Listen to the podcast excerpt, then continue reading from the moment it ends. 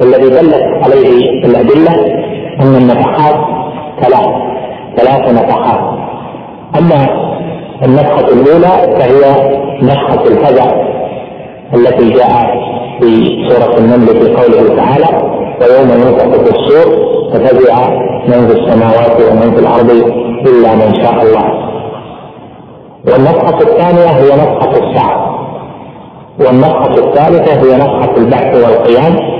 وهي هما اللتان ذكرتا في قوله تعالى في سورة الزمر وغيرها ونفخ في الصور فصعق من في السماوات ومن في الأرض إلا من شاء الله ثم نفخ فيه أخرى فإذا هم قيام ينظرون. هذا تقسيم إلى ثلاث نفحات هو الذي رجح شيخ الإسلام ابن القيم وجماعة من المحققين ودل عليه أيضا حديث أبي هريرة المعروف بحديث السور الطويل الذي رواه ابن جرير وأبو يعلى والطبراني والبيهقي وجماعة لكن الحديث ضعيف لأن فيه مجهولا وضعيفا كما علّه الحافظ بن حجر بذلك ولكن هو موافق بذلك لظاهر القرآن لأن في القرآن ثلاث نفحات. نفخة سجع ونفخة صعد ونفخة بعد. قال كثير من أهل العلم إن النفحات إنما هما ثنتان ونفخة الصعد طويلة تمتد أولها فزع وآخرها صعد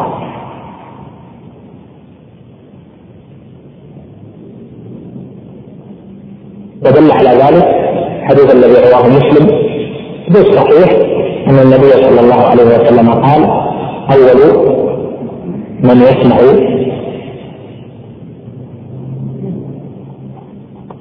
أو كما قال يعني معناه أول من يسمع النفخ في السور رجل يليق حوضه فيسعي ليفا فيرفع ليفا يعني جهة عنقه قال ثم يصعق الناس. فهذا دليل على ان ان الفزع يرفعه صعب. وعلى العموم القول الأول اظهر من حيث دلالة الآيات وأن النفحات ثلاث نفخ في الصور ففزع ونفخ في الصور فصعد ثم نفخ في الأخرى فإذا هم قيام ينظرون. والنفخه الأولى على هذا التقسيم هي نفخه الفزع والثانيه نفخه الصعد ومعنى الصعد يعني الموت فهي نفخه يموت منها من سمعها ومن استثنى الله من ذلك الذين في قوله إلا من شاء الله يستثنون من الصعب فلا يسحقون قال الإمام أحمد بن حنبل رحمه الله المقصود بمن استثنى الله هم الجواري الحور والولدان والغلمان في الجنة. وقال طائفة من أرواح الشهداء والاقوال في ذلك كثيره مسحة الصعد هذه يكون فيها الإهلاك يعني الموت تموت الخلائق ويستعدون للقيامة الكبرى العظيمة للقيام بالله رب العالمين. بين نفخة الصعد ونفخة البعث ثم مدة زمنية جاءت جاء بيانها في الحديث الصحيح الذي رواه البخاري ومسلم وغيرهما. إن أبا هريرة قال سمعت رسول الله صلى الله عليه وسلم يقول بين النفختين أربعون. قالوا يا أبا هريرة أربعون يوما؟ قال أبيت. قال أربعون شهرا؟ قال أبيت. قال أربعون سنة؟ قال أبيت. يعني أبيت أن أقول ما ليس لي به علم لأن النبي صلى الله عليه وسلم قال أربعون وسنة. قال وكل شيء يبلى من ابن آدم إلا حجب الزمن ومنه يرتب الخلق يوم القيامة.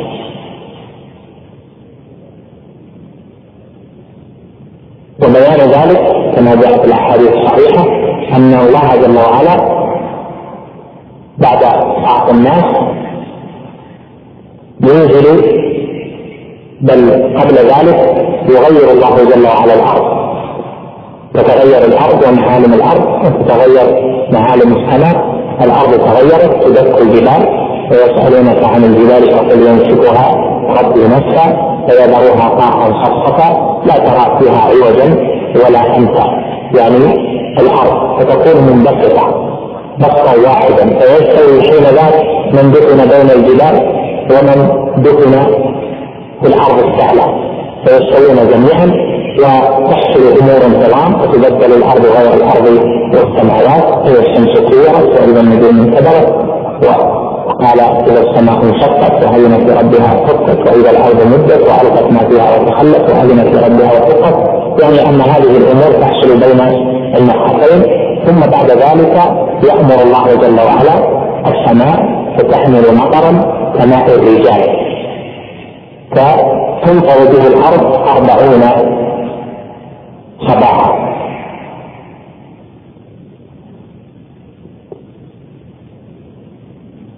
فتنبت منه أجسام الناس لأن أجسام الناس بقي منها بذور هي آخر عظام وفطر الظهر. تنبت منه الأجسام هكذا. فتنبت الأجسام كالأشجار تتشقق الأرض فتنبت الأجسام بلا أرواح. فتظل هكذا اجساما مستعدة قابلة للأرواح كحال الجنين ثم يأمر الله جل وعلا إسرافيل بأن ينفخ في الصور النفخة الأخيرة والعظيمة الجليلة هي نفخة البعث فتتفرق الأرواح إلى الأجساد فتهتز الأرواح وتهتز الأجساد بالأرواح قال ابن القيم رحمه الله في جميل ما قال في وصف ما يحصل إثباتا قال وإذا أراد الله إخراج الورق بعد الممات إلى المعاد الثاني ألقى على الأرض التي هم تحتها. والله مقتدر وذو سلطان مطرا غليظا أبيضا متتابعا عشرا وعشرا بعدها عشران فتظل تنبت منه أجسام الورى مثل النبات كأجمل الريحان حتى إذا ما الأم حان ولادها يعني الأرض حتى إذا ما الأم حان ولادها. وتمخضت فنفاسها متداني اوحى لها رب السماء فتشققت فإذا الجنين كأكمل الشبان. فتظل يظل الناس هنا بعد عود الأرواح في غرابة من هذه الأرض. فلا يعرفون هذه الأرض ولا يعرفون السماء. ولهذا قال جل وعلا في آية الجمعة فإذا هم قيام ينظرون. ينظرون ما عرفوا هذه الأرض ولا عرفوا تلك السماء. لانها تغيرت وهذا من عجائب صنع الله هو هو جل وعلا الذي بدأ الخلق وهو الذي يعيده فخلق السماوات والأرض اكبر من خلق الناس. والله سبحانه وتعالى له في خلقه عجائب وعجائب. قال رحمه الله إلى أن تقوم القيامة الكبرى يعني اليوم الآخر فتعاد الأرواح إلى الأجساد يعني بنفحة البعث والذي ينفخ البعث هو ملك موكل بذلك اسمه فيما جاء إسرافيل. إسرافيل هو الملك الذي وكل بالنفخ وقد قال عليه الصلاة والسلام كيف أنعم وصاحب القرن قد التقم القرن؟ ينتظر متى يؤمر بالنصر. من رسوله فهذا هو الذي يكون هي الإيمان باليوم الآخر، الإيمان باليوم الآخر هو الإيمان بالاصاله بهذه القيامة العظمى، قال تقوم القيامة التي أخبر الله بها في كتابه وعلى لسان رسوله صلى الله عليه وسلم وأجمع عليها المسلمون، وهذه القيامة كائنة لا محالة وهي قريبة قريبة ومن مات من اول الخلق بني آدم ومن مات قرب قيام الساعة فهم في علم الله سواء.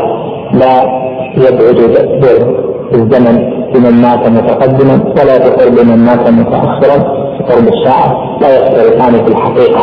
وهما أرواح حلت في أجساد ثم فارقتها الأرواح ثم الجميع ينتظرون متى ينفخ ويستجاب لله جل وعلا. ومن أعظم قوله تعالى يوم يدعوكم فتستجيبون بحمده وتظنون إن لبثتم إلا قليلا. قال فيقوم الناس من قبورهم لرب العالمين. يقومون لرب العالمين لأنه هو الذي دعاهم لذلك. يقومون فيختلف حال المسلم عن حال غيره حال خاصة المؤمنين أنهم يحشرون إلى الرحمن وافدين كما قال جل وعلا يوم نحشر المتقين إلى الرحمن وفدا ونسوق المجرمين إلى جهنم وردا. يحشر المتقين إلى الرحمن وفدا يعني وافدين قال المفسرون تجعل لهم مجاهد من الجنة تنقلهم من قبورهم إلى عرصات القيامة. وأما المجرمون فيحشرون فيساقون إلى جهنم وردا يعني بغرفه وشدة. قال حفاة عراة غرلا يعني على هيئتهم كأنهم خرجوا من بطون أمهاتهم. والأرض أم. منها خلقناكم وفيها نعيدكم ومنها نخرجكم تارة أخرى. ويخرجون كحال خروجهم من بطون أمهاتهم. كتاب عراق غرلا ومعنى غرلا أي غير مختونين وقد استعجبت عائشة حينما قال النبي صلى الله عليه وسلم ذلك فقالت يا رسول الله الرجال والنساء ينظر بعضهم إلى بعض. فقال عليه الصلاة والسلام يا عائشة الأمر أعظم من ذلك. يعني كل يقول نفسي نفسي لا يهمه أن يرى عاريا أو من حوله تذهل كل مرضعة عما ارضعت وترى الناس سكارى ما هم بسكارى ولكن عذاب الله شديد. يوم القيامة هو يوم العذاب يوم العذاب العظيم. إن عذاب ربك لواقع ما له من ذلك.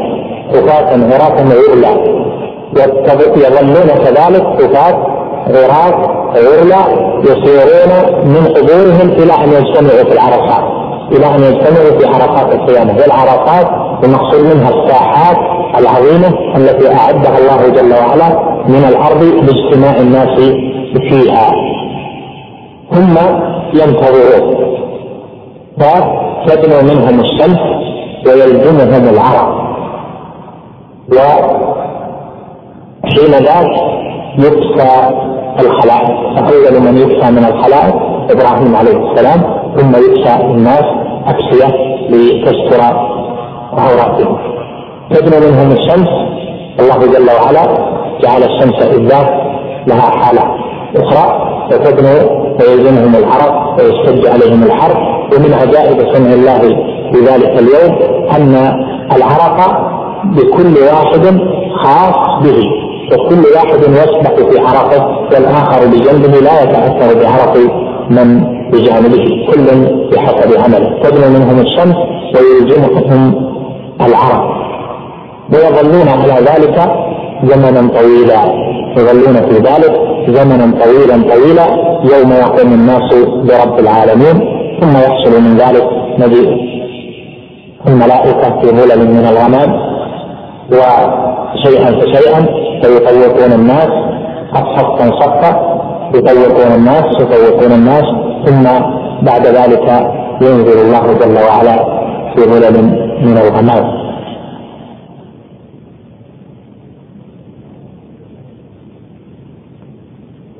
ثم يطلع الناس بعد طول المقام طلبا في الشفاعة وأحاديث الشفاعة في ذلك معروفة لكن نريد أن نصل إلى نصف الموازين. يطلع الناس من الخلق إلى آدم عليه السلام. فيقال له يا آدم أنت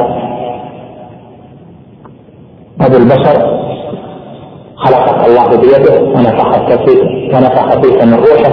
ألا ترى إلى ما نحن فيه؟ فيقول نفسي نفسي اذهبوا إلى نوح.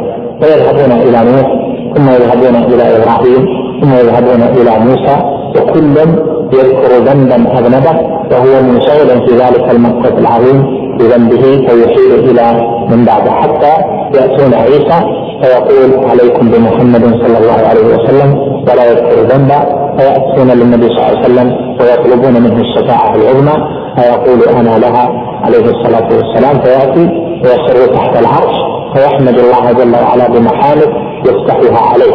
قال عليه الصلاة والسلام لا أحسنها الآن.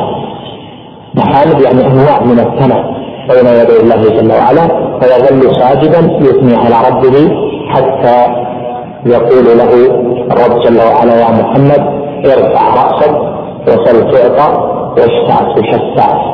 فيشفع عليه الصلاة والسلام اول الشفاعات وأعظمها بأن يهجر الله جل وعلا حساب الناس حتى يستريحوا من عذاب الموقف ومن هوله وما فيه فيحصل من ذلك فيحصل من ذلك امور فيعجل بالناس الحساب وتنصب كما قال شيخ الإسلام الموازين. والموازين جمع ميزان. والميزان هو الذي يوزن به والميزان عند الله جل وعلا له خفتان كما قال جل وعلا ونضع الموازين القسط ليوم القيامة. فلا تظلم نفس شيئا وإن كان مثقال حبة من خردل أتينا بها وكفى بنا حاسبين. وقال هنا تنصب الموازين يعني أن أنها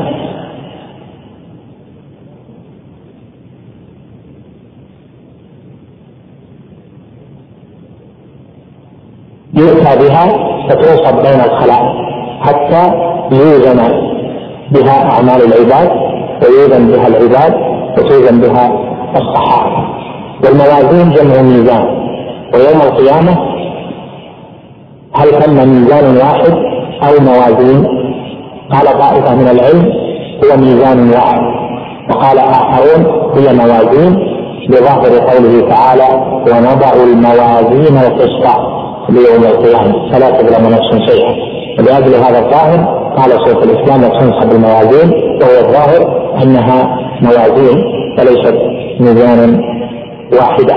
وكل منها ميزان حقيقي. ليس وهميا ولا معنويا ميزان حقيقي له كفتان وله لسان كما جاء ذلك في الأحاديث وكما هو ظاهر لكم الميزان. قال فتوزن فيها أعمال العباد. توزن فيها أعمال العباد. فمن ثقلت موازينه فأولئك هم المفلحون ومن خفت موازينه فأولئك الذين خسروا أنفسهم في جهنم خالدون. قوله توزن فيها أعمال العباد هذا أحد ما يوزن يوم القيامة. والذي دلت عليه النصوص أن الذي أن ما يوزن يوم القيامة في الموازين ثلاثة أشياء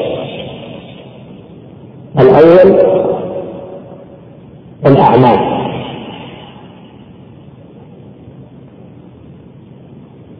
والثاني صحائف الأعمال.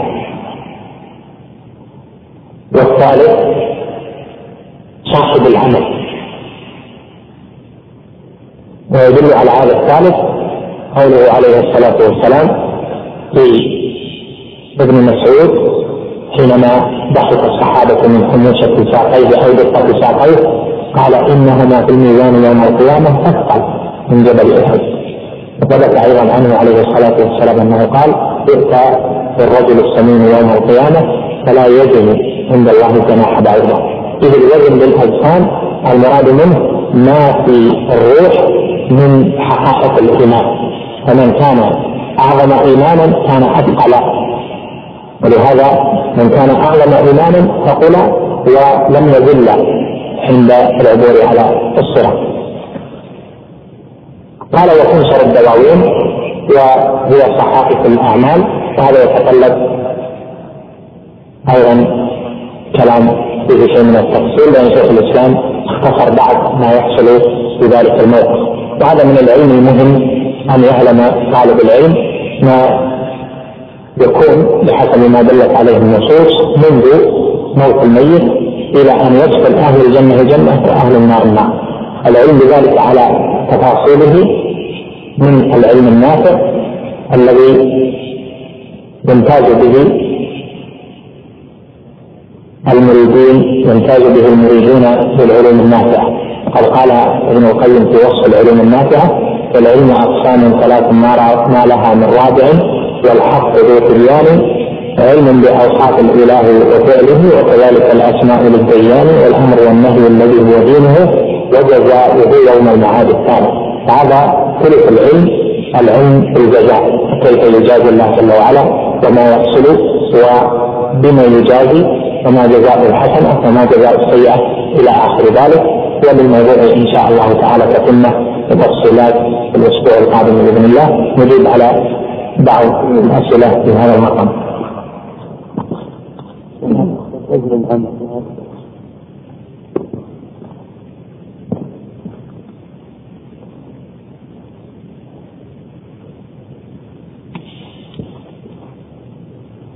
يقول هل يقع السؤال في القبر والفتنة على أولاد المشركين وأهل الفترة؟ الجواب نعم. السؤال عام. سؤال عام ويكون جوابهم بحسب ما يقول إليه حالهم وما يعلمه الله جل وعلا عنه. لكن لا ينعمون إذا كانوا من أهل النعيم ولا يعذبون إذا كانوا من أهل العذاب يعني أولاد المشركين وأهل الفترة إلا بعد قيام الحجة عليهم ببعث رسول لهم في عرصات القيامه. هل صح حديث بان اسم الملكين منكر ونكير؟ نعم هذا الحديث حسن وله طرق وبهذا صححه جماعة من أهل العلم وأثبتوا بذلك اسم المنكر والنكير. بعض من ألف في ما يحصل في القبر قال هو منكر ونكير ليس منكر هو منكر لأنه ينكر على المقبور بفتنته لكن الصواب أنه منكر ونكير منكر ونكير من جهة أشكالهما فإن أشكالهما تنكر وتروع الميت.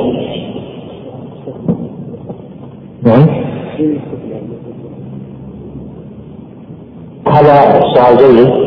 هل أحد يستثنى من فتنة القبر؟ نعم. ورد في الأدلة أسماء.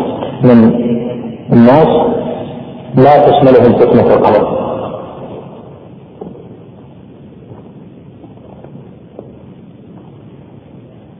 ومنهم شهداء عن النبي صلى الله عليه وسلم.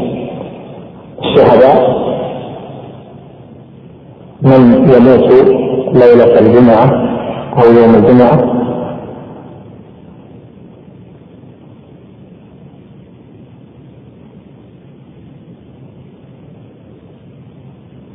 هؤلاء يؤمنون الحساد هذا بابه جمع الأحاديث الواردة في هذا وهي احاديث كثيرة منها ما هو صحيح ومنها ما هو ضعيف. هذا الذي ذكرت لكم يصحح به الأحاديث أو يعني قبلت به الأحاديث. ما الدليل على أن الكافر يصرح بمعبوده؟ وانه لابد أن يجيب واذا سئل من ربه فإنه لا بد أن يجيب على ذلك. لا يعني ما جاء في الحديث أنه يقول سمعت الناس يقولون شيئا فقلت أو يقول لا أدري أن هذا يشمل كل الكفار. الكافر يجيب بحسب الحال. متى يكون الحوض على الصحيح؟ وما يتعلق بالحوض يأتينا إن شاء الله تعالى بعد.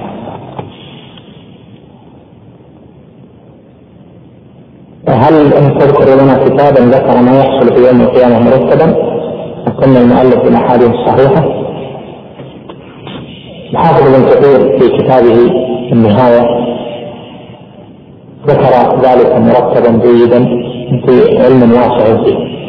وثم كتاب لكنه لم يطبع باستفسارين ذكر فيه اهوال القيامة وما يحصل فيها من النشور إلى دخول أهل الجنة الجنه وأهل النار النار مرتبا وذكر فيها الأدلة لكن طبع في منه في الهند قديما الجزء الأول منه ولم يتبع بقية فهو في حكم المفقود يعني.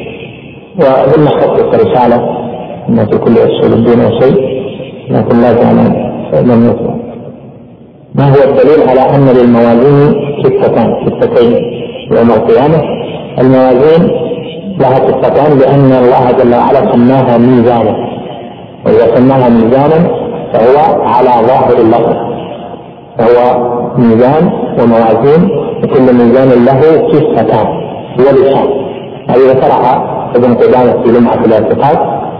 قال له كفتان ولسان هذا في أجل ظاهر الحديث وأظن ظاهر الآية وأظن جاءت في حديث لكن ما يحضرنا الآن. هل هل ورد ان الشهيد هو المبطول والذي مات مرابطا في سبيل الله مات من ضمن وامنون من فتنه القبر؟ هذا سبق في جوابات نعم. على إيش؟ نعم هذا هذا الاستدلال جيد صحيح. حديث البطاقة قال تتوضع في كفة كذلك حديث حديث البطاقة واضح مثل ما ذكرت. فتوضع في في كفة فترجف سيئاته فيقال هل لك من عمل؟ فيقول لا فيؤتى له ببطاقة مكتوب فيها لا إله إلا الله فتوضع قال فتطيش السجلات يعني سجلات الذنوب هذا استدلال جيد. كذلك حديث أبي سعيد المعروف أن موسى قال لربه جل وعلا يا ربي علمني شيئا أدعوك وأذكرك به قال يا موسى قل لا إله إلا الله قال إن قال يا ربي كل عبادك يقولون هذا. قال يا موسى لو أن السماوات السبع وعمرهن غيري والارضين السبع كانت في كفة ولا إله إلا الله في كفة لمالت بهن لا إله إلا الله. هل الموتى يسمعون؟ هذا بحث. يعني يطول تقريره؟ في ذلك حديث فإنه لا يسمع قرع نعالهم وهم يسمعون ولا يسمعون. وما أنت بمسمع من هم يسمعون بحال ولا يسمعون بحال ما الدليل على أن الخلائق يكسون يوم القيامة؟ الثياب الدليل قول النبي صلى الله عليه وسلم أول من يكسى من الخلائق إبراهيم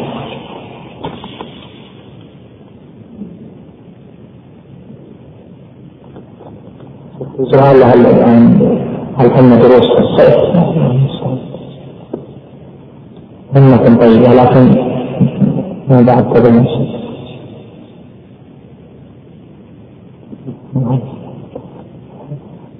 هذا سؤال عزيز كلامنا كان في واد والأخ في واد آخر. يقول ذكرت في محاورة لك الفرق بين النظام والتنظيم في الدعوة. لكل مقام مقام. ولكل دولة رجال وزن الأعمال. نعم. وزن الإيمان؟ ميزان صاحب العمل. ثلاثة أشياء نعم. ميزان العمل والصحائف وصاحب العمل. صاحب العمل. وزنه يكون بإيمان. نعم. ما يكون العمل هو العمل منه قول وعمل واعتقاد. الذين كفروا قطعت لهم ثياب من النار يصب من فوق رؤوسهم الحميم. هذا ليس من من الاكتساء هذا عذاب لهم في النار. هل السؤال والجواب في الخبر يكون باللغة العربية؟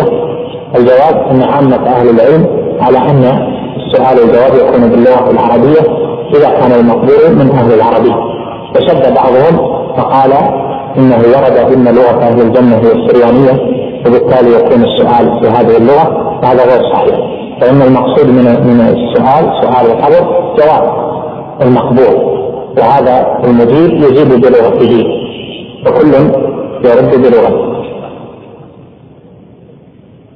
ألم يرد أن الثقلين لا يسمعون عذاب القبر؟ الصيحة. لا يسمعون عذاب القبر. صوته ما فهمت. تكون في في روضة روضة جنة وين أنت تقف الرفيق الأعلى الرفيق الأعلى يتعلق بالهي بالرفيق الأعلى خيرك على اللهم الرفيق الأعلى أشار بالتأسف أن أن الأنبياء في هذا يعني حديث موسى رواه مسلم صحيح ولكن علة أيضا وكونه كون موسى عليه السلام يصلي ومر عليه النبي صلى الله عليه وسلم وهو يصلي في قبره هذا لا يعني أن روحه لا تكون في الجنة. وهو عليه الصلاة والسلام مر في حال الإسراء ورأى موسى يصلي. وصعد تلك الليلة المعراج ورأى موسى في السماء يعني روحه في السماء. فهذا يدل على أن حال الأرواح لا تقيس لا تقيس ذلك بحال الدنيا. الله جل وعلا أعلم بحقيقة ذلك. إن ترى الأرواح في المنام مثلا يحصل عجائب. يحصل عجائب بروح. وأنت نائم عجائب في من تلتقي به إلى آخره. وتحصل التقاء أرواح موتى باحياء في حال المنام ويخبر الميت هذا الحي بأشياء لا يعرفها الحي. يخبره بأشياء لا يعرفها. يقول مثلا قل لفلان كذا وكذا وكذا. بما يعرف أصلا القصة. ويخبره بأشياء لا تعرف فهذا عالم عجيب الله أعلم به حقيقه ويسألونك عن الروح قل الروح من أمر ربي وما أوتيتم من العلم إلا قليلا. نعم. كيف يجمع بين كون روح ارواح المؤمنين في حواس غير في الجنه؟ هذه ارواح الشهداء. لا حديث مسألة المؤمن طائر يعلق من ثمار الجنة. مسألة المؤمن طائر وأما أرواح الشهادة هي التي في حواصل خير القبر مثل في القبور. نعم. أرواح المؤمنين في القبور. إذا أرواح المؤمنين في القبور. في روضة رياض الجنة حديث أرواح المؤمنين اللي هي في حديث رافعة رافعة رافعة واحد هو الأحاديث مسألة المؤمن طائر هذا شيء. كل مؤمن مسألته طائر يعرف من تمام الجنة وأرواح الشهداء في جوف طير طير أو في حوافل طير خضر هذا قسم ثاني. إذا ورد أنا ما أحفظ أن ما أتذكر شيء. يعني ورد أن أرواح المؤمنين جميعا في جوف آه، طير. لكن إن ورد فيقصد الشهداء لأنه يكون مطلق لا مقيد. إن ورد. لكن أنت راجع في البحث في التحايل أظن غير ما ذكر. طيب. ما صعد معه هو لقيه النبي صلى الله عليه وسلم. لما تخفيف إيه لقيه في السماء ما صعد معه يعني هو لقيهم عليه الصلاة والسلام في المسجد صلى بهم. فلقيهم في السماء لكن ما مشوا. أنه هو ذهب بجسده روح عليه الصلاة والسلام وهم صلى وسلم نعم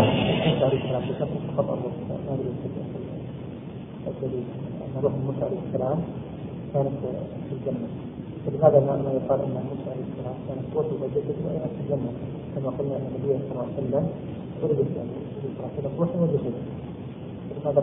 يعني يعني تقصد إن هذا خاص بموسى؟ ولا بكل بكل الأنبياء وكل الأموات من الجنة أجسادهم تصعد فوق الجنة؟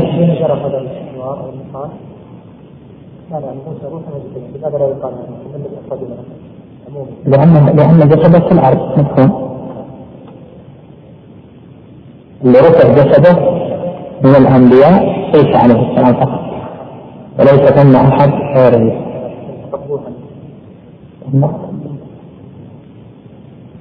ليش تحط الجسد يعني تخاف مثلا ما تتصور انه تكلم تصور انه ما تكلم يعني يعني ان الكلام كلام لا بد بلسان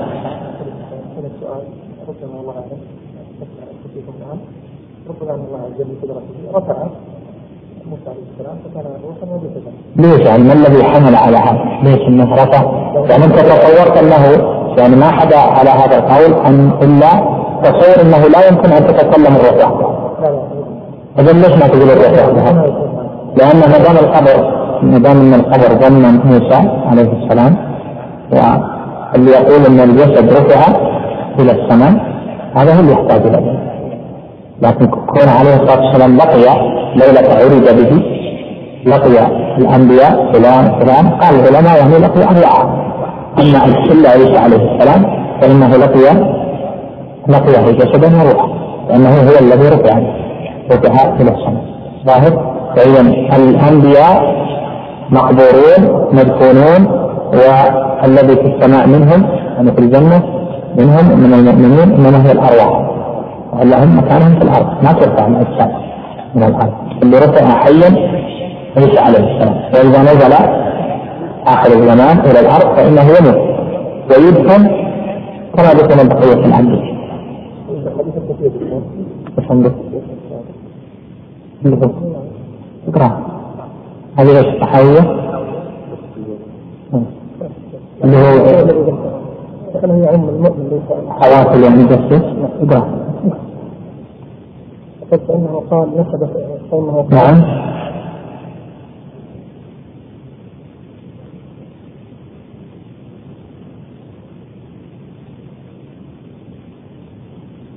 رفع أيضا الدين ما جاء لا وفوق كل ذي علم علم يعني تعرف فيها علم أحمد؟ أنا ما يعني رفعناه مكانا عليا ما أستحضر أن المراد رفع الجسد الله ولهذا كانت نسمة المؤمن في سورة طير أو كطير. ونسمة الشهيد في جوف طير وكأن لفظ الحديثين فإنه قال نسمة المؤمن طير. فهذا يعم الشهيد وغيره. ثم خص الشهيد بأن قال هذا مثل ما قال ظاهر؟ إذا نحمل المطلق على المقيد. يكون خاص بالشهداء يعني مثلة المؤمن إيش؟ طيب. والشهيد في حواصل الطير يعني الشهيد جمع بين الأمرين. بين كونه طيب وفي وفي زوج الطير. لكن ليس كل المؤمن في حواصل الطير. لا انها تأوي إلى قناديل معلقة تحت العرش هذا خاص بالشهداء بهذا القدر الكفاية واسال الله جل وعلا أن ينفعنا وإياكم بالعلم وأن يرزقنا الاستعداد ليوم المعاد وصلى الله وسلم وبارك على نبينا محمد. أما الآن فنترككم مع مجلس آخر من هذا الشرح. قال شيخ الإسلام ابن تيمية رحمه الله تعالى يقول له النووي وهي المخاطر الاحوال فاخذ كتابه بيمينه واخذ كتابه بشماله أو من وراء ظهره كما قال سبحانه وتعالى وكل إنسان الزمناه طائره في عنقه ونخرج له يوم القيامة كتابا يلقاه منشورا اقرأ كتابك كفى بنفسك اليوم عليك حسيبا فيحاسب الله الخلائق ويخلو بعبده المؤمن فيقرره بذنوبه كما وصف كما وصف ذلك في الكتاب والسنة. وأما الكفار فلا يقاتلون محاسبه من تلزم حسناته وسيئاته فإنه لا حسنات لهم. فإنه لا حسنات لهم. ولكن تعد أعمالهم كقصه فيوقفون عليها ويتقرون بها. وفي عرفات القيامة الحوض الموجود للنبي صلى الله عليه وسلم. ماؤه أشد بياضا من اللبن وأحلى من العسل آنيته عدد بدون جماع. طوله شهر وعرضه شهر من يشرب منه شربة لا يظمأ بعدها أبدا. من يشرب. من يشرب منه شربة تغير المعنى من يشرب منه شربة من يشرب منه شربة لا يظمأ الباء انه يلزم من؟ من يشرب منه من يشرب منه شربة لا يظمأ بعدها أبدا. والصراط موصول على أهل جهنم. وهو الجسر الذي بين الجنة والنار. يمر الناس على قدر أعمالهم. فمنهم من يمر كلمح البقر. ومنهم من يمر كالبقر ومنهم من يمر كالريح ومنهم من يمر كالفرق الجواد ومنهم من يمر كركاب الإبل ومنهم من يأتي الأبواب ومنهم من يمشي مشيا ومنهم من يذكر زكا ومنهم من يذكر خطا ويلقى في جهنم فإن الذكر عليه تلاميذ تخطف الناس تخطف الناس بأعمالهم فيمحك من مر على الصراط دخل الجنة. فإذا عثروا عليه وقفوا على صراط بين الجنة والنار فيقتص لبعضهم من بعض فإذا عذبوا ونقوا أذن لهم في دخول الجنة وأول من يستفتح باب الجنة محمد صلى الله عليه وسلم. اللهم صل وسلم وأول من يدخل الجنة من الأمم أمته وله عليه الصلاة والسلام في القيامة ثلاث شفاعات أما الشفاعة الأولى فيشفع في أهل الموت. حتى يقضى بينهم بعد أن يتراجع الأنبياء. آدم ونوح وإبراهيم وموسى وعيسى بن مريم عن الشفاعة حتى تنتهي إليه. وأما الشفاعة الثانية فيشفع في أهل الجنة أن يدخلوا الجنة وهاتان شفاعتان خاصتان له. وأما الشفاعة الثالثة فيشفع في من استحق النار وهذه الشفاعة له ولسائر المؤمنين والصديقين وغيرهم فيشفع في من استحق النار حين يدخلها ويشفع في من دخلها أن يخرج منها فيخرج الله من النار أقواما بغير شفاعة بل بفضله ورحمته ويتقي الجنة فضل عمن دخلها من أهل الدنيا فينشئ الله لها أقواما فيدخلهم الجنة. وأصناف ما تضمنته الدار الآخرة من الحساب والثواب والعقاب والجنة من النار. وتفاصيل ذلك مذكورة في الكتب المنزلة من السماء والآثار من العلم المأثور عن الأنبياء وفي العلم الموجود عن محمد صلى الله عليه وسلم. من ذلك ما يشفي ويكفي فمن تبعه وجده. بسم الله الرحمن الرحيم. الحمد لله رب العالمين والصلاة والسلام على نبينا محمد وعلى آله وصحبه أجمعين. اللهم نسألك علما نافعا وقلبا خاشعا وعملا صالحا ودعاء مسموعا. اللهم علمنا ما ينفعنا وانفعنا بما علمتنا وزدنا علما وعملا ودرجه إنك ولي ذلك ولا حول ولا قوة إلا بك. أما بعد فهذا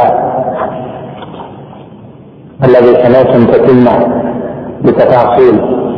ما يحصل في اليوم الآخر ولذكر مشاهده وما يكون فيه من الأمور التي هي من جملة الإيمان هي من جملة ما يجب أن يؤمن به لأنها من اليوم الآخر. ومن قرائن الإيمان الإيمان باليوم الآخر. فمن علم من ذلك شيئا فإنه يجب عليه أن يعتقده وأن يؤمن به لأنه مأخوذ عن الكتاب أو السنة فما كان فيهما وجب اعتقاده ووجب الإيمان به وحرم الشك فيه أو التردد. ذكرنا فيما سبق نفس الموازين وأن الله جل وعلا ينصب الموازين في ذلك اليوم العظيم. فمن ثقلت موازينه فأولئك هم المفلحون ومن خفت موازينه فأولئك الذين خسروا أنفسهم في جهنم خالدون. ومما يحدث في ذلك اليوم نشر الدواوين. قال شيخ الإسلام رحمه الله فيما سمعتم وتنشر الدواوين وهي صحائف الأعمال. فآخذ كتابه بيمينه وآخذ كتابه بشماله ومن وراء ظهره. كما قال سبحانه إلى آخر كلامه. قال وتنشر الدواوين وهي صحائف الأعمال. تنشر أي تظهر. والنشر هو الإظهار حتى لا يكون خفيا. والدواوين جمع ديوان. والديوان اسم لما يدون فيه يعني لما يكتب فيه. ولهذا فسر شيخ الإسلام الدواوين بأنها صحائف الأعمال. الدواوين هي الكتب وهي صحائف الأعمال فهي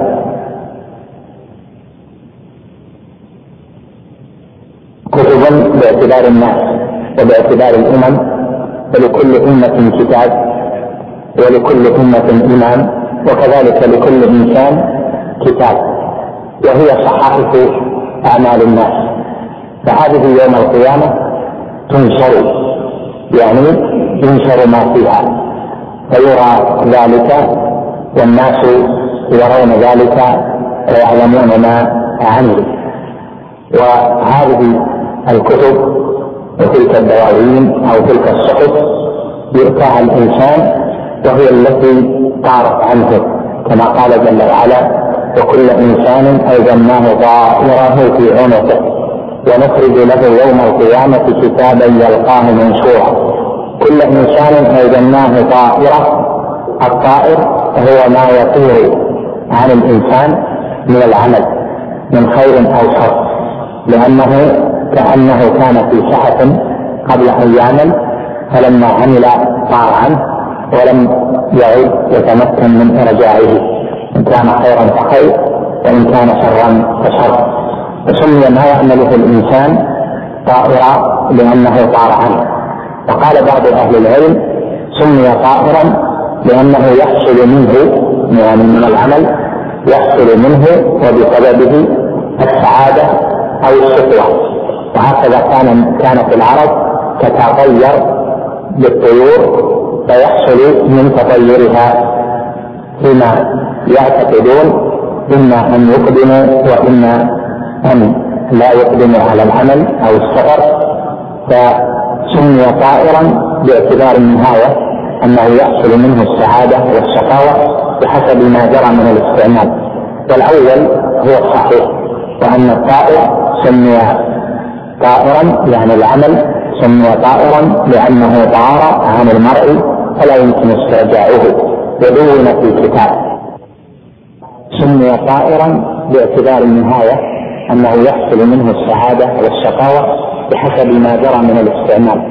والأول هو الصحيح وأن الطائر سمي طائرا يعني العمل سمي طائرا لأنه طار عن المرء فلا يمكن استرجاعه ودون في كتاب. قال جل وعلا وكل إنسان هذا عموم يشمل المسلم والكافر ألزمناه طائره في عنقه يعني جعل ذلك الذي خرج منه الذي صدر منه من الأقوال والأعمال أقوال القلوب وقول اللسان وعمل القلب واللسان والجوارح جعل ملازما له في عنقه كالقلادة. لا تنفك لا تنفك عنه. فهي ملازمة له. يوم القيامة أن هذه كتبت الملائكة فهي ملازمة للإنسان. يوم القيامة يخرج له كتاب. كما قال جل وعلا ونخرج له يوم القيامة كتابا يلقاه منشورا. فيوم القيامة تخرج الدواوين وتنشر ويراها المرء ويريها أيضا. قال سبحانه يلقاه منشورا. يعني ينشر. ولهذا قال شيخ الإسلام وتنشر الدواوين. فتعبيره بتنشر لأجل هذه الآية ولغيرها. صحفا منشرة يعني تنشر ويعرفها وتعرف أيضا. هذا الكتاب هو الديوان.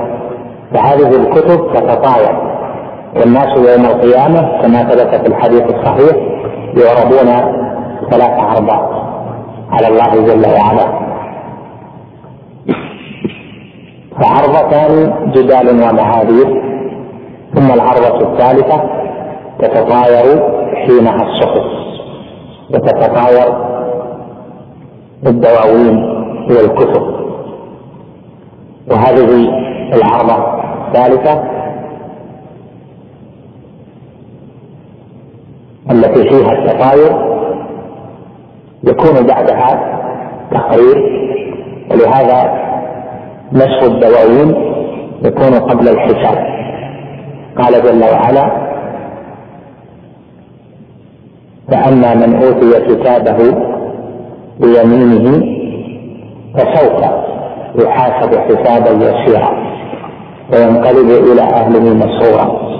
وأما من أوتي كتابه وراء ظهره فسوف يدعو ثبورا ويصلى سعيرا قال فسوف يحاسب حسابا يسيرا. فدل على أن ذلك الحساب يكون بعد نشر تلك الدواوين وبعد أخذ الصحف باليمين. فمن أخذ صحيفته باليمين فإنه تكون تلك الصحيفة هي التي سجل في سجلت فيها الأعمال فيحاسب على ما فيها. أما المؤمن فإنه يحاسب حسابا يسيرا تعرض عليه عرضا. دون محققة في الحساب ودون مناقشة. ولو نوقش أحد الحساب لعلى مجرد تقرير. فعلت كذا فعلت كذا فعلت كذا. ألم تفعل كذا؟ أعرفت ذنبك كذا؟ أعرفت فعلك كذا؟ يقول الله جل وعلا له ذلك. فلم فإذا أقر؟ قال الله جل وعلا له كما ثبت في الصحيح. إني سترتها عليك في الدنيا وإني أسترها عليك الآن أو أغفرها لك الآن. وأما الآخر فإنه يأخذ كتابه بشماله وراء ظهره وراء ظهره كما سيأتي قال جل وعلا اقرأ كتابك. يعني اقرأ صحيفة عملك اقرأ هذا الكتاب الذي كتبته الملائكة مما عملت ومما قلت كفى بنفسك اليوم عليك حسيبا. وهذا في قوله هنا كفى بنفسك يعني كفى نفسك. إذ الباء هنا صلة للتأكيد فنفس هنا فاعل يعني كفى نفسك اليوم عليك حسيبا. يعني تكفي نفسك بنفسك كفاية اليوم عليك حسيبا. والله جل وعلا مطلع على أعمال العباد. وهذا النشر بالدواوين وهذا الحساب الذي سيأتي بيانه. أيضا هذا كله من رحمة الله جل وعلا بالعباد ولكي يقرر العباد بذنوبهم وبأعمالهم فلا يقتل أحدا إلا بما صدر عنه. قال كفى بنفسك اليوم عليك حسيبا. يعني بعد أخذ الكتاب اقرأ كتابك فأنت تحاسب نفسك يعني تقرر نفسك على ذلك العمل لأنه ليس ثم حجة له. وهذا لا ينفي ما يكون من بعض الناس من جدال في بعض ما يحصل لكن الجدال والمعاذير تكون عند تقرير الأعمال قبل إعطاء السعر. كما مر معك في الحديث أنها ثلاث عرضات عرضتان منها جدال ومعاذير فإذا جاء الكتاب ورأى ما عمل فإن الحجة قامت عليه ولا يجحد شيئا. كما قال جل وعلا ولا يكتمون الله حديثا يعني خاصة من عصى. وكذلك عامة الناس أيضا لا يكتمون الله شيئا. قال بعد ذلك ويحاسب الله الخلائق. ترتيب شيخ الإسلام هنا حيث جعل المحاسبة بعد نشر الدواوين. هذا صحيح إذ إن الحساب وهو تقرير الأعمال يكون بعد نشر الدواوين وبعد أخذ من أخذ كتابه باليمين وأخذ من أخذ كتابه بالشمال.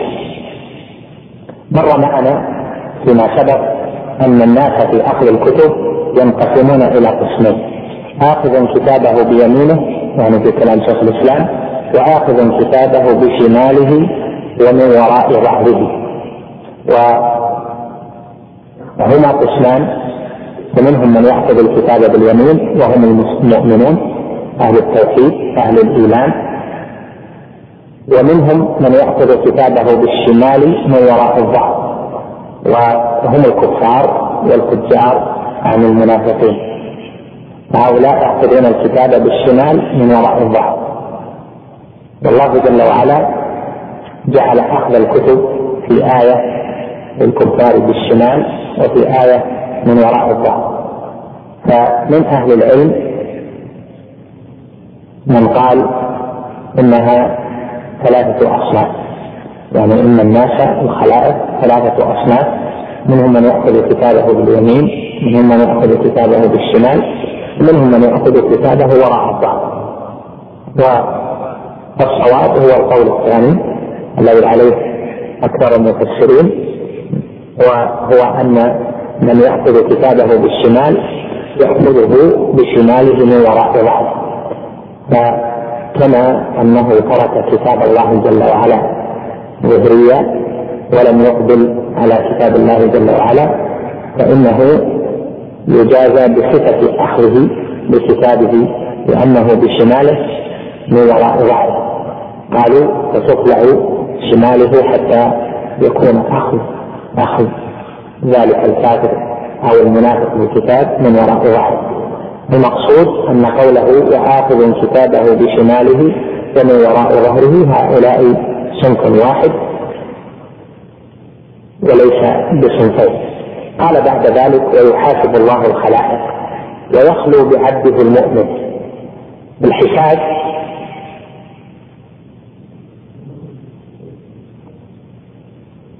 هو المقصود من الإيمان باليوم, الآخر. فان الإيمان بالبعث معناه الإيمان بيوم يرجع فيه الناس إلى الله فيحاسبون. حقيقه الإيمان بالبعث هو الإيمان بالحساب لأنه ما ثم شيء إلا وسيحاسب الله جل وعلا عبده عليه. وهذا الآيات فيه كثيرة في إثباته والأحاديث فإنكاره كفر بالله جل وعلا. من أنكر الكتاب هو يكون منكرا للبعث. قال يحاسب الله الخلائق. قوله الخلائق هذا ظاهر منه إنه يعم جميع الخلق ولكن هو من الظاهر العام المراد به الخصوص وهم خصوص المكلفون خصوص من كلفه الله جل وعلا بالمحاسبة على ما عمل العبد من خير أو شر إنما هي للمكلف والمكلفون هم الإنس والجن فيحاسب الله الإنس ويحاسب الله الجن. لأن الجن منهم المسلم ومنهم الكافر منهم من يدخل الجنة ومنهم من يدخل النار. كما قال جل وعلا في من في حور الجنة لم يطمثهن إنس لم يطمثهن قبلهم إنس لم يطمثهن إنس قبلهم ولا جان. فدل على أن الجن والإنس يدخلون كذلك يدخلون الجنة كذلك يدخلون النار. فإذا قوله ويحاسب الله الخلائق يعني المكلفين الجنة منهم والناس. قال ويخلو بعبده المؤمن هذا معنى المحاسبة أن الله جل وعلا يخلو بعبده المؤمن فيقرره بذنوبه كما وصف ذلك كما وصف ذلك في الكتاب والسنة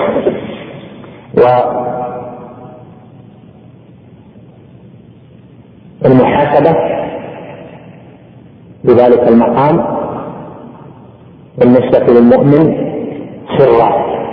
يخلو الله جل وعلا بالعبد سرا ولا يعلمه أحد لأنه إذا حسب على الملأ فإن في ذلك فضيحة له والله جل وعلا يخلو بعبده المؤمن فيقرره بذنوبه. كما ذكرت لكم من الأحاديث أتعرف ذنب كذا؟ أتعرف ذنب كذا؟ فيقرر بالذنب ويقرر بالعمل. هذا معنى الحساب. وكل واحد سيكلمه الله جل وعلا. ليس بينه وبينه ترجمان كما ثبت ذلك في الأحاديث. وحساب الناس جميعا حساب الخلائق جميعا في ذلك المقام. حساب سريع. الله جل وعلا لا يشغله شأن الإنسان وليس حسابه لعباده كحساب المخلوقين. قال سبحانه ألا له الحكم وهو أسرع الحاسبين. هو أسرع الحاسبين بتمام علمه وقدرته وقوته وهيمنته جل وعلا فيحاسب الناس يحاسب المؤمنين ويحاسب الخلائق في وقت قصير. قال بعضهم كلمحة بصر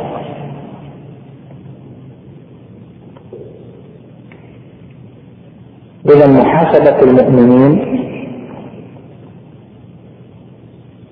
فيها تقرير العمل الصالح وتقرير العمل غير الصالح. فيها تقريرهم بما لهم وما عليهم. وأما الكفار فهل يحاسبون؟ قال رحمه الله. وأما الكفار فلا يحاسبون محاسبة من توزن حسناته وسيئاته فإنه لا حساب له. وذلك بقول الله جل وعلا ألا نقيم لهم يوم القيامة وزنا. ولقوله جل وعلا وقدمنا إلى ما عملوا من عمل فجعلناه هباء منثورا. فإنهم ليس عندهم حسنات حتى توازن حسناتهم وسيئاتهم. والمقصود من المحاسبة هنا أن تعد عليهم أعمالهم ما عملوه في الدنيا من خير وما عملوه من شر فتحصى فيوقفون عليها ويقرون بها ويجزون بها. أما ما عملوا من خير فإن أعمال الكفار في الدنيا منها ما يشترط فيه الإسلام والنية ومنها ما لا يشترط فيه ذلك. فأما ما يشترط فيه الإسلام فإنها لا تقبل منهم ولا تنفعهم لا في الدنيا ولا في الآخرة. وأما ما لا يشترط فيه النية والإسلام كمثل حسن الخلق وكمثل التيسير على المعسر وكمثل العشق وصلة الرحم ونحو ذلك فإن هذه يجازون عليها بالدنيا. فيبين لهم أن هذا ما لكم وأن هذا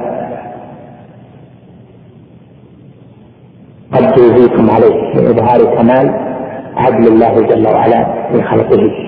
فتبقى أعمالهم التي يظنون أنها تنفعهم في الدنيا أنها تنفعهم أعمالهم التي يظنون أنها صالحة من عبادات كانوا يتعبدون بها أو صلوات كانوا يصلونها أو دعوات كانوا يدعون بها فيجعلها الله جل وعلا هداء منثورا كما قال سبحانه وقدمنا إلى ما عملوا من عمل فجعلناه هداء منثورا. يعني الأعمال التي يظنون أنها ستنفعهم في الآخرة. وأما ما ينفع الكافر مما لا يشترط فيه الإسلام النية فإنه ينفعه في الدنيا وأما في الآخرة فإنه يجعل هباء منثورا. قال لا يحاسبون محاسبة من توزن حسناته وسيئاته. فإنه لا حساب له. يعني لا وزن. أراد بقوله لا حساب لهم يعني لا وزن. والكافر لا يقام له يوم القيامة وزنا كما قال جل وعلا فلا نقيم لهم يوم القيامة وزنا ويكون بعد ذلك عدل أعمالهم تحصى أعمالهم يوقفون عليها ويقرون بها. هذا ما عملت. جاءت كالأنبياء جاءت الرسل أنبياء يعني الرسل وبلغوه كما قال جل وعلا فلنسألن الذين أرسل إليهم ولنسألن المرسلين فلنقصن عليهم بعلم وما كنا غائبين والوزن يومئذ الحق. الآيات.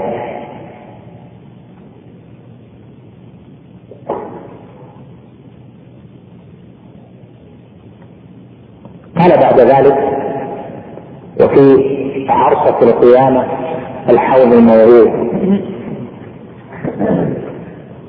وفي عرصة القيامة الحوض المورود للنبي صلى الله عليه وسلم. عرصة نعم. ما في شك. يعني قوله يحاسب الخلائق تنبه طيب لا الخير ويحاسب الله الخلائق فيه من لا يحاسب أصلا وهم السبعون الفا. الذين لا حساب عليهم ولا عذاب.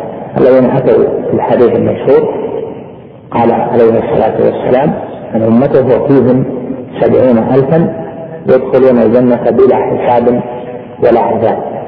وهؤلاء هم الذين حققوا التوحيد. وصفهم النبي عليه الصلاة والسلام بقوله هم الذين لا يحترقون ولا يبتغون ولا يتطيرون وعلى ربهم يتوكلون. إشارة إلى صفات تدل على تحقيقهم للتوحيد. وهناك من لا حساب عليه ولا عذاب وهؤلاء هم السبعون ألفا.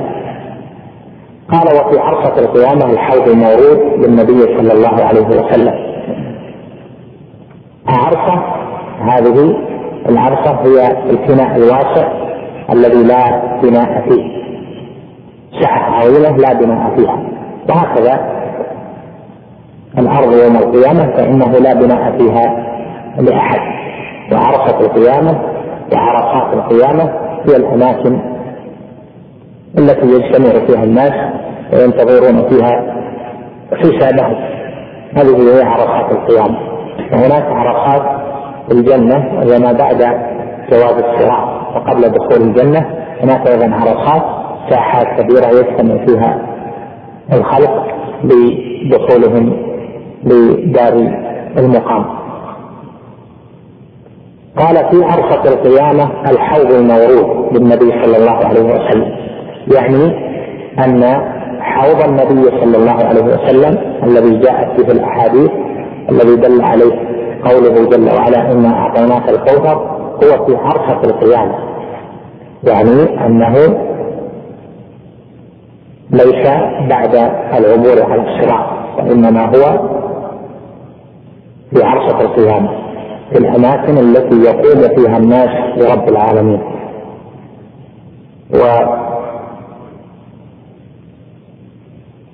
وهذا من شيخ الإسلام رحمه الله. إثبات إثبات لأن الحوض قبل الصراط والعلماء تنازعوا. هل الحوض قبل الصراط أم بعد الصراط على أقوال. منهم من يقول إنه قبل الصراط ومنهم من يقول هو بعد الصراط. ومنهم من يقول هو قبل الصراط وبعده. حوض واحد ممتد. من عرصات القيامة إلى العرصات التي قبل الجنة. ومنهم من يقول من يقول هما حوضان. قبل الصراط حوض وبعد الصراط حوض. والله جل وعلا أعلم بكيف يكون الصراط على هذه الحال. وجهنم واسعة والصراط منصوب على متنها وما ذكر من أن الحوض قبل الصراط هذا ظاهر وهذا صحيح. وذلك أن الناس يجتمعون يوم القيامة بعد أن يخرجوا من قبورهم. يجتمعون في ذلك المقام العظيم بين يدي الله رب العالمين بانتظار نزول الرب جل وعلا والحساب فيكرم الله جل وعلا نبينا محمدا صلى الله عليه وسلم بأن يعطيه ذلك الحوض الذي امتداده يعني مدده من جهة الماء من الجنة.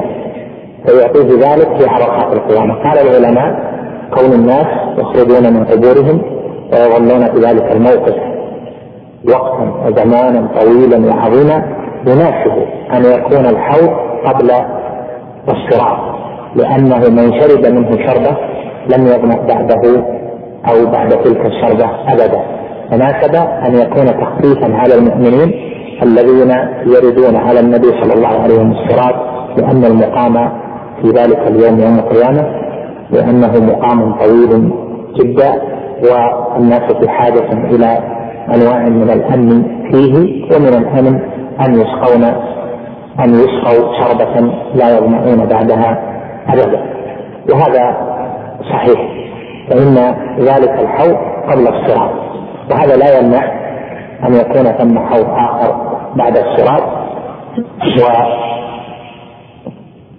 وذلك لأنه قد جاء في الحديث الصحيح أن النبي صلى الله عليه وسلم قال يرد علي ناس من أمة الحوض. أعرفهم وفي لفظ يرد علي ناس من أصحاب الحوض. فأعرفهم ثم يختلدون دونه فيقول ربي أمتي أمتي. فيقول إنك لا تدري ما أحدث بعدك.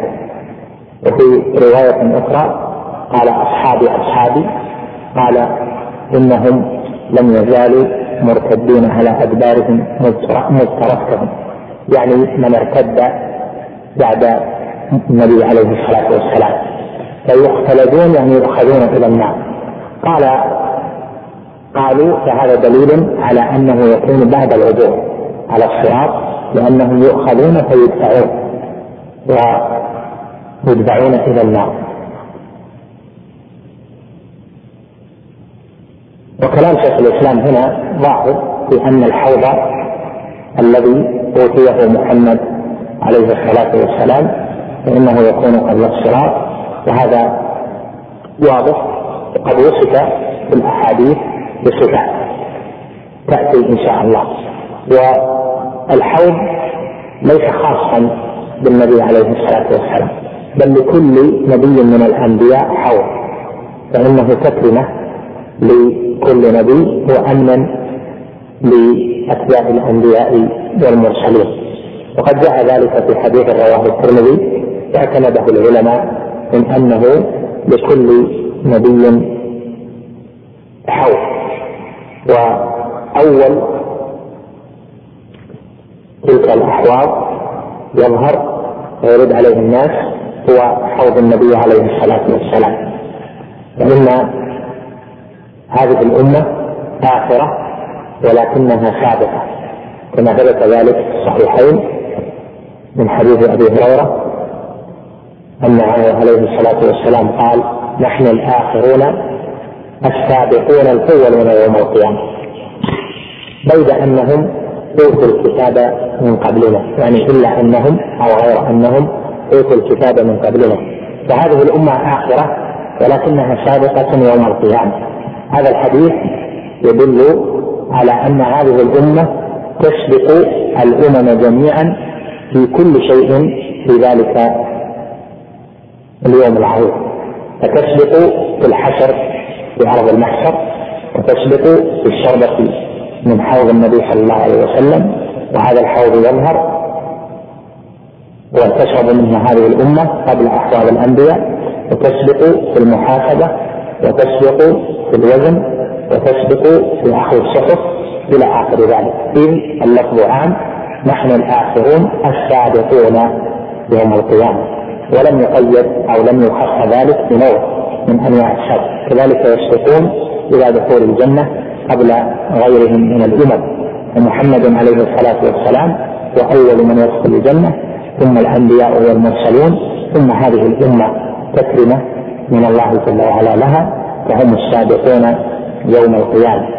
فهذا الحوض هو أول الأحوال ظهورا. وأول من يرد عليه أول من يرد على تلك الأحوال هم أمة محمد عليه الصلاة والسلام. ويكون لهم استراحة وطمأنينة في ذلك. وها هنا سؤال معروف وهو أنه تتكرر أشياء في يوم القيامة ونتيجتها أنها أمن وأمان للمؤمن. فهل يستمر خوف المؤمن في كل ما يحصل ذلك اليوم؟ يعني من حوسب ووجد الحساب يسيرا. فإنه مؤمن. ومن أخذ الكتاب باليمين فإنه مؤمن. ومن شرب من الحوض فإنه لا يشرب منه أصلا إلا مؤمن. فما معنى هذا التكرير؟ أنه يحصل له ذلك؟ هل يظل خائفا؟ أم أنها زيادة طمأنينة؟ الظاهر أنه ما يحصل في ذلك اليوم والله أعلم. أنه ما يحصل في ذلك اليوم ليس مستتبعا فيه العلم الذي في الدنيا. هذه تحتاج منكم إلى بحث ونظر وسؤال فإن ما يحصل ذلك اليوم ليس مستتبعا فيه ما علمت في الدنيا. يعني أن ما علمت في هذه الدنيا مما يحصل يوم القيامة فإنه في الظاهر والله أعلم أنه لا يسحب الإنسان لا يسحب المسلم المؤمن في ذلك اليوم. فإذا شرب فإنه لا يأمن وإذا أعطي كتابه باليمين فإنه لا يأمن وإذا حوسب فإنه لا يأمن يعني أن يكون ممن حقت عليهم بعض كلمة الله جل وعلا أو أن يكونوا من ممن يعذبون شيئا يعني في عرفات القيامة أو ممن حقت عليهم كلمة فيعذبون شيئا في النار. هذه المسألة بحث تأملوها وعلى العموم هي زيادة طمأنينة للمؤمن فإنه يطمئن بالشرب من الحوض أنه من أتباع محمد صلى الله عليه وسلم ويطمئن بالورود تحت لواء النبي عليه الصلاة والسلام ويطمئن بأن يكون حسابه حسابا يسيرا. ولهذا قال العلماء في قوله فسوف يحاسب حسابا يسيرا وينقلب إلى أهله مسرورا إلى أهله يعني من في الجنة من من الحور والأهل ينقلب إليهم مسرورا. ليس إلى أهله الذين كان يعهدهم في الدنيا وإنما أهله الذين جعلهم الله جل وعلا أهلا له في الجنة. فهذه أنواع من الطمأنينة يحصل بها للمؤمن الأمن والأمان وعدم الحزن في ذلك الموقف العظيم. قال رحمه الله في وصف الحوض ماؤه أشد بياضا من اللبن. وأحلى من العسل. ماؤه أشد بياضا من اللبن كما جاء في بعض الأحاديث الصحيحين. وجاء في بعضها أنه أشد بياضا من الورق يعني الفضة وأطيب رائحة من المسك وأحلى من العسل. فله هذه الصفات يعني لمائه أنه أشد بياضا من اللبن ورائحته أطيب من المسك يعني المسك الخالص الطيب الذكي الذي كان معروفا في زمنه عليه الصلاة والسلام فهو أطيب المسمومات وأحلى من العسل العسل الخالص. وهذا الماء مدده من الجنة. قال جل وعلا إنا أعطيناك الكوثر والكوثر نهر أعطاه الله جل وعلا محمدا صلى الله عليه وسلم في الجنة. وقال عليه الصلاة والسلام في وصف كوثره وهو حوض ترد عليه أمتي يوم القيامة. فالكوثر نهر وهو حوضه. وجاء في حديث آخر أنه يشخب في الحوض ميزابان من نهر الكوثر في الجنة. وسمي حوضا له لأنه الحوض ماؤه من ذلك النهر. فإذا ماء النهر يصب في هذا الحوض وكلما شرب منه أناس ونقص صار ملآنا بما يمد به من الكوثر الذي هو نهر أعطيه النبي عليه الصلاة والسلام في الجنة قال آنيته عدد نجوم السماء. وفي لفظ آخر قال آنيته عليه الصلاة والسلام آنيته كنجوم السماء. هذان اللفظان مختلفان. في الأول آنيته عدد نجوم السماء. وهذا من جهة العدد يعني من جهة الكثرة أنه ككثرة نجوم السماء. وفي الثاني قال آنيته كنجوم السماء. ومن كاف هذه مثلية وهي مثلية تشمل العدد والوصف. يعني من جهة الإضاءة واللمعان فإذا آنية الآنية المعلقة على جوانب ذلك الحوض موصوفة بأنها كثيرة جدا كثرة نجوم السماء وموصوفة أيضا بأنها ذات لمعان وضياء كلمعان وضياء النجوم التي في السماء. قال في وصفه عليه الصلاة والسلام أيضا طوله شهر وعرضه شهر. وجاء في رواية أخرى أيضا في الصحيح زواياه سواء. وهذا طوله شهر يعني بمسيرة الإبل وعرضه شهر وقال زواياه سواء هذا يقتضي أنه مربع؟ طوله وعرضه سواء يعني مربع. قال بعض أهل العلم طوله شهر وعرضه شهر يحتمل أن يكون مدورة. لكن في الحديث الآخر زواياه سواء يعني أنه مربع. والله أعلم. من يشرب منه شربة لا يظمأ بعدها أبدا. هنا من تكون شرطية يعني اسم موصول مضمن الشرط من يشرب منه شربة فما جزاء ذلك؟ قال لا يظمأ بعدها أبدا. أو لا يظمأ بعدها أبدا. من يشرب منه شربة لا يظمأ بعدها أبدا. أو تقول من هنا موصولة بدون شرط يعني بمعنى الذي الذي يشرب منه شربة لا يظمأ بعدها أبدا.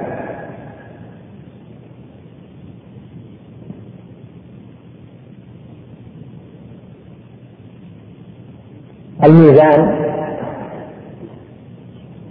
والحوض مما أنكره المعتزلة وأقر به عامة المخالفين لأهل السنة ومن الاشاعره وغيرهم. والمعتزلة يجعلون الميزان بمعنى العدل وأنه ليس ثم ميزان له خفتان يعني ميزان حسي فإنما هو ميزان معنوي وهو اقامه العدل ونفي الظلم في ذلك الموقف العظيم. كذلك الحوض أيضا ينكرونه ويقولون لا حوض وإنما يعني لا يتصور هذا وإنما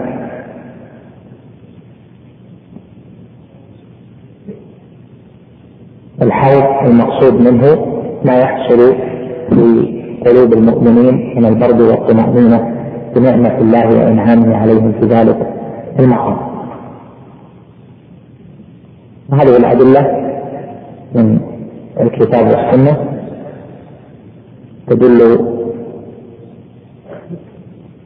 بالتواتر على يعني من جهة النقل المتواترة وتدل دلالة قطعية على أنه كما وصف لأنه وصف صفات عديدة لا مجال فيها إلى أن يؤول ثم إن أمور الغيب لا تقاس على أمور الشهادة الله جل وعلا يخلق خلقه وينشئ ما يشاء. ويبدع ما يشاء لا معقب لحكمه يحكم ما يشاء ويفعل ما يريد.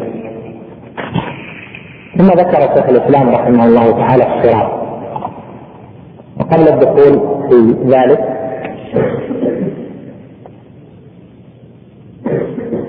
نعيد ترتيب ما يحصل مما سبق. إذا نشر الناس من قبورهم وواقعوا الموقف فإنه يكون الحوض. هذا أولا يعني ترتيب ما سبق الحوض. ثم يأمنون ويظلون هكذا زمانا طويلا يقومون بين يدي الله جل وعلا رب العالمين قبل أن ينزل الله جل وعلا لفصل القضاء.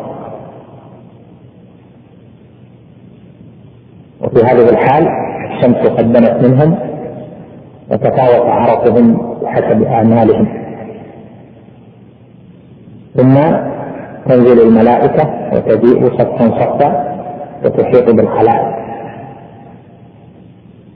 ثم ينزل الله جل وعلا كما يليق بجلاله وعظمته. ويقوم الناس برب العالمين خاشعين يريدون ويطول عليهم الموقف جدا ثم يذهبون إلى النبي عليه الصلاة والسلام طلبا للشفاعة. بعد أن يطلبوها من آدم إلى آخره كما سياتي فيشفع فيبدأ الحساب. يشفع في أن يعجل فصل القضاء ويبدأ بالحساب. وقبل الحساب يكون العرض عرضات فيها جدال ومهابية وهي من الحساب.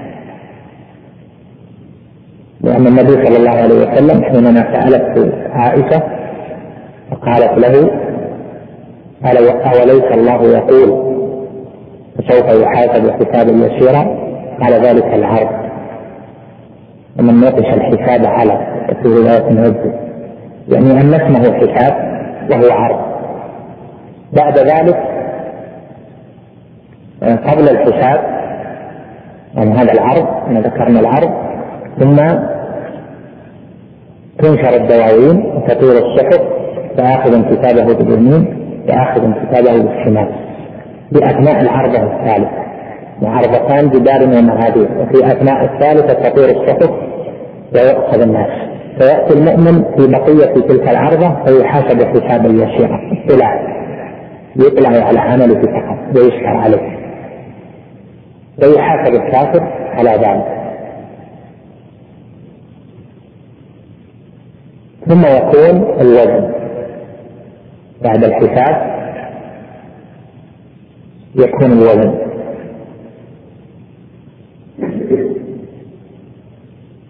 وهذا هو الذي ذكره شيخ الإسلام ابن تيمية رحمه الله تعالى. بعد الوزن يكون الناس قد عرفوا عرف كل ما له وما عليه. وعرف كل مصيره فينادي منادي أن تتبع كل أمة ما كانت تابع فهنا يحشر الناس ويكون الناس أزواجا. يحشر الذين ظلموا وأزواجهم وما كانوا يعبدون من دون الله. الذين ظلموا أزواجهم يعني نظراءهم وأشباههم وقرناءهم في الكفر. ويقال أن تتبع كل أمة ما كانت تعبد قال جل وعلا عن فرعون فأوردهم النار وبئس الورد المورود. فيأتي كل معبود وكل طاغوت فيتبعه من كان يعبده. فيتحاكسون في النار قبل نصف الصراط. لأن الصراط هو لجواز المؤمنين إلى الجنة لعبور المؤمنين من على النار إلى الجنة. فيتحاكسون في النار تحاكسا لأنه تم قبل الصراط وقبل النار ظلمة وهذه الظلمة التي قبل النار لا يعرف الكفار فيها أين المسير بل يذهبون يتقدمون يتبعون معبودهم حتى يتعافتون في النار وأما من كان يتبع معبودا صالحا كمن كان يعبد عيسى والعزير قال بعض أهل العلم إنه يمثل له الملك في صورة المسيح أو في صورة العزير أو من عبد محمدا عليه الصلاة والسلام في صورة محمد عليه الصلاة والسلام. ملك. هذا جاء في حديث السوق ويمثل لهم ملك في صورة عيسى وفي صورة عزيز فيتبعونه فيهوي بهم فيقودهم إلى جهنم. قال آخرون يمثل لهم لأن حديث السوق فيه كما ذكرت لكم يمثل لهم شيطان. على هيئة عيسى أو الشيطان الذي أمرهم بعبادة عيسى فانه يتمثل لهم في تلك الصورة. أو الشيطان الذي أمرهم بعبادة عزير أو إلى آخره يمثل لهم بتلك الصورة فيتبعونه حتى يتعافتون في النار. والعياذ بالله. ثم تنتهي الامم يتعافتون فيدخل أهل النار النار حتى لا يبقى إلا المسلمون الذين أسلموا ظاهرا وباطنا. أو ظاهرا يعني تبقى هذه الأمة والأمم وفيهم المنافقون هذه الأمة والأمم وفيهم المنافقون فيكون أول من يجوز الصراط ثم ينصب الصراط على متن جهنم. وأول من يجوز الصراط أمة محمد عليه الصلاة والسلام. ويتقدم عليه الصلاة والسلام إلى الصراط. وقبل الصراط ثم ظلمة. أين يكون الناس يوم تبدل الأرض غير الأرض والسماوات؟ قال قال هي هم في الظلمة دون الجسر يعني دون الصراط. ثم ظلمة عظيمة هذه الظلمة يمضي فيها المسلمون يأتيها يعني يقدم عليها المسلمون والمنافقون. الجميع كانوا في نور. ثم إذا قبل النار أتت هذه الظلمة فيبصر المؤمن بنوره والمنافق ينطمس نوره. فيقول المنافق المؤمن انظرونا نقتبس من نوركم قيل ارجعوا وراءكم فالتمسوا نورا. وضرب بينهم بسور له باب باطنه فيه الرحمة وظاهره من قبله العذاب. يعني بعد العبور على الصراط. فيؤتى كل واحد نور على قدر عمله. ثم يؤتى بالصراط ثم الصراط يكون منصوبا على متن جهنم ثم يأتي النبي عليه الصلاة والسلام فيعبر ثم تعبر هذه الأمة قبل الأمم. وهذا العبور يعني بيان كلام على الصراط وصفة العبور. هذا العبور هو ما جاء في القرآن بأنه ورود ورود المؤمن على النار. قال وإن منكم إلا واردها كان على ربك حتما مقضيا ثم ننجي الذين اتقوا ونذر الظالمين فيها جثيا الورود ورودان ثم ورود ورود دخول وثم ورود مرور.